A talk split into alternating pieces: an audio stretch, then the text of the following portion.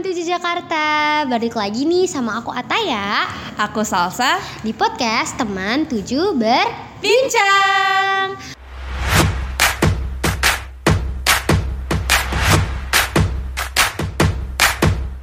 Teman-teman, kali ini kita berdua mau ngundang salah satu orang yang pasti kalian semua udah tahu nih orangnya siapa. Dia dulu juga berpengaruh banget nih buat Mantuju Jakarta. Dia ini dulu ketua OSIS periode sebelumnya loh. Pasti kalian tahu Siapa tuh? Siapa ya? Siapa lagi kalau bukan Kak Mario Halo Kak Mario Perkenalkan aku Salsa Aku Ataya Jadi makasih banyak Kak udah jadi narasumber kita untuk membahas demokrasi Aku mau kasih pertanyaan nih buat kakak Gimana sih rasanya pertama kali berpartisipasi dalam pesta demokrasi dan memberikan hak suara untuk Indonesia. Hmm gitu. Halo sebelumnya, halo Ataya, halo Salsa. Uh, terima kasih telah mengundang saya di podcast teman tujuh berbincang ini. Uh, saya senang banget uh, dulu uh, cerita-cerita dikit dulu aja kan ya. Boleh. Dulu, dulu saya di sini sebagai pembawa acaranya, sebagai uh, kreatornya. Sekarang di sini diundang sebagai narasumber itu sebuah kehormatan bagi saya gitu. Uh, tadi kembali lagi ke pertanyaan uh, gimana rasanya pertama kali berpartisipasi dalam demokrasi kali ini uh, sebenarnya seru ya ini kayak misalnya uh, lebih ke siapa sih yang nggak pengen mengikuti pemilu gitu itu kan yang ditunggu-tunggu gitu pas yeah. udah 17 tahun oh iya udah punya KTP yeah. udah punya hak suara gitu nah di sini kan saya mendapat hak suara di umur 18 gitu, gitu. Uh, rasanya tuh kayak ya excited banget gitu apalagi pemilu kali ini kan uh, banyak tuh paslon-paslonnya saya hmm. lebih mengenal lagi legislatifnya itu gimana lebih hmm. mengenal lah gimana itu politik di Indonesia gitu jadi uh, seru terus menyenangkan dan juga pusing sih bisa dibilang karena pertama kali kan sebagai uh, pemilih baru gitu hmm. kurang lebih kayak gitu sih hmm. anggapan saya Nih, karena kakak pertama kali milih, pasti kakak awalnya bingung dong gimana sih cara nyari paslon yang sesuai sama visi misinya hmm. sama apa yang mau kakak tuju. Nah, apa aja sih yang kakak lakuin buat tahu nih, buat cari tahu gitu. Kakak biasanya ngapain aja? Oke, okay. buat nyari tahu uh, pertama kali sih uh, pas deng sebenarnya saya ikut uh, politik ikut berita politik ini kayak dari sebelum paslon ini dibentuk gitu. Misalnya isu-isunya dari siapa aja misalnya paslon A siapa dengan siapa paslon B hmm. dengan siapa dengan siapa gitu. Saya ikutin isu-isunya kayak gitu. Dan setelah sudah ditetapkan sah itu uh, dan pendaftaran oleh KPU itu saya juga tetap saya ikutin gitu. Dan udah tahu nih paslonnya mana-mana. Nah di situ saya sempat ada rasa bimbang. Hmm. kayak uh, milih siapa ya yang sesuai gitu. Saya kan nggak tahu sama sekali nih mungkin uh, untuk ngobrol sama orang tua juga kadang-kadang gitu. Hmm. dan kadang-kadang ada rasa malu juga kan hmm. gitu.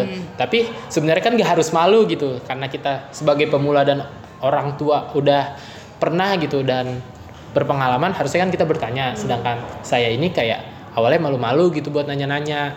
Tapi akhirnya saya memutuskan kadang-kadang nanya sedikit lah ini gimana sih? Ini gimana sih? Gitu. Akhirnya untuk lebih dalam saya sih lebih riset sendiri ya hmm. saya cari tahu berita-beritanya terus ikutin mungkin sosial media hmm. walaupun sosial media itu kan ada plus minusnya iya, gitu iya, kadang ada yang berita yang baik ada yang berita yang buruk maka hmm. itu kita uh, kalau yang saya dapat nih uh, dari orang tua kalau bisa diolah lagi kalau dapat berita dari mana gitu hmm. habis itu sama kayak waktu itu kan uh, saya tahu nih dari teman saya ada namanya bijak memilih ya hmm, website bijak iya, milih. Nah mungkin dari situ juga membantu saya banget gitu melihat visi misi paslonnya apa yang sesuai sama kita tuh apa dan track recordnya tuh gimana. Mungkin ya itu sih yang saya uh, lakuin ketika untuk memilih sosok pemimpin ya pertama cari tahu yang lebih dalam sama ngikutin apa yang sesuai gitu dengan kita. Hmm. Kalau misalnya kita mau A, kira-kira mana nih yang sama dengan kita uh, yang hampir mirip mungkin nggak harus sama gitu uh, walaupun ya tetap aja ada uh, yang nggak sesuai gitu tapi kita meminimalisir mana yang nggak sesuai itu lebih dikit gitu hmm. Nah, karena kakak dapat menggunakan hak suara kakak pas masih masih di lingkungan sekolah, yeah. tanggapan kakak tentang perbedaan pilihan dengan teman atau orang sekitar gimana tuh? Terus karena demokrasi tahun ini tuh banyak banget yang saling menyudutkan satu sama lain, satu sama lain. Menurut kakak gimana? Hmm, perbedaan pendapat itu kan sebenarnya wajar ya. Perbedaan pendapat itu kayak ya serunya tuh di situ gitu. Iya, betul. Banyaknya per- pilih banyaknya pilihan, banyaknya asumsi, banyaknya argumentasi itu kan kayak eh, salah satu hal yang ngebuat politik ini atau pesta demokrasi ini seru gitu. Untuk perbedaan pendapat sih kalau yang saya rasain di paling deket kan di lingkungan sekolah nih ya, Iya. di kelas gitu. Ya walaupun kadang-kadang ada memihak pada paslon ini, paslon ini, paslon ini kayak di itu kan kayak ribuh gitu. Menurut saya ini kayak oke-oke aja asalkan eh, kita tuh jangan sampai mengeluarkan kata-kata yang menjelekkan atau yang eh, sampai berakibat negatif lah. Jadi kayak ya perbedaan pendapat ber, sorry berbeda berbe- berbeda pendapat tapi kayak masih menggunakan etika, adab itu kayak merupakan itu hal yang penting sih. Tapi kalau misalnya perbedaan pendapat sampai yang kayak ngejelek-jelekin, kayak malah musuhan itu kayaknya uh, kurang baik gak sih? Iya, benar-benar. Tapi kalau di kelas saya sih akhirnya kayak walaupun ada yang uh, mungkin ada nada tinggi, nada gini dalam ngomong gitu kan, karena kan ada perbedaan pendapat gitu, ada panas-panasnya. Iya. Tapi akhirnya kayak ya akhirnya sama akhirnya ujung-ujung kita sama-sama lagi gitu. Namanya juga sekelas kan walaupun beda- berbeda pendapat kan kita jadi tahu nih pendapat si A gimana nih tentang ini pendapat si B tentang apa ini. Itu juga eh, saya sebagai penyimak dan kadang eh, memberi argumentasi saya jadi lebih mendapatkan informasi tambahan gitu. Oh menurut dia gini oh ya benar juga ya. Oh menurut dia gini nih ah nggak sesuai nih kayak jadi kita lebih bis- lebih bisa memilih gitu. Mungkin itu sih. Jadi kayak lebih tahu lebih luas lebih lebar iya lagi gitu ya nggak cuma kayak pemikiran kita doang tapi kan Iya. kita tahu pemikiran orang lain tuh gimana yang Banyak bisa sih. Ternyata kita pemikiran terima orang itu beda-beda juga ya. Iya. betul Dan itu bener sih seru karena di kelas aku juga sering cekcok gitu itu malah justru itu poin serunya. Iya.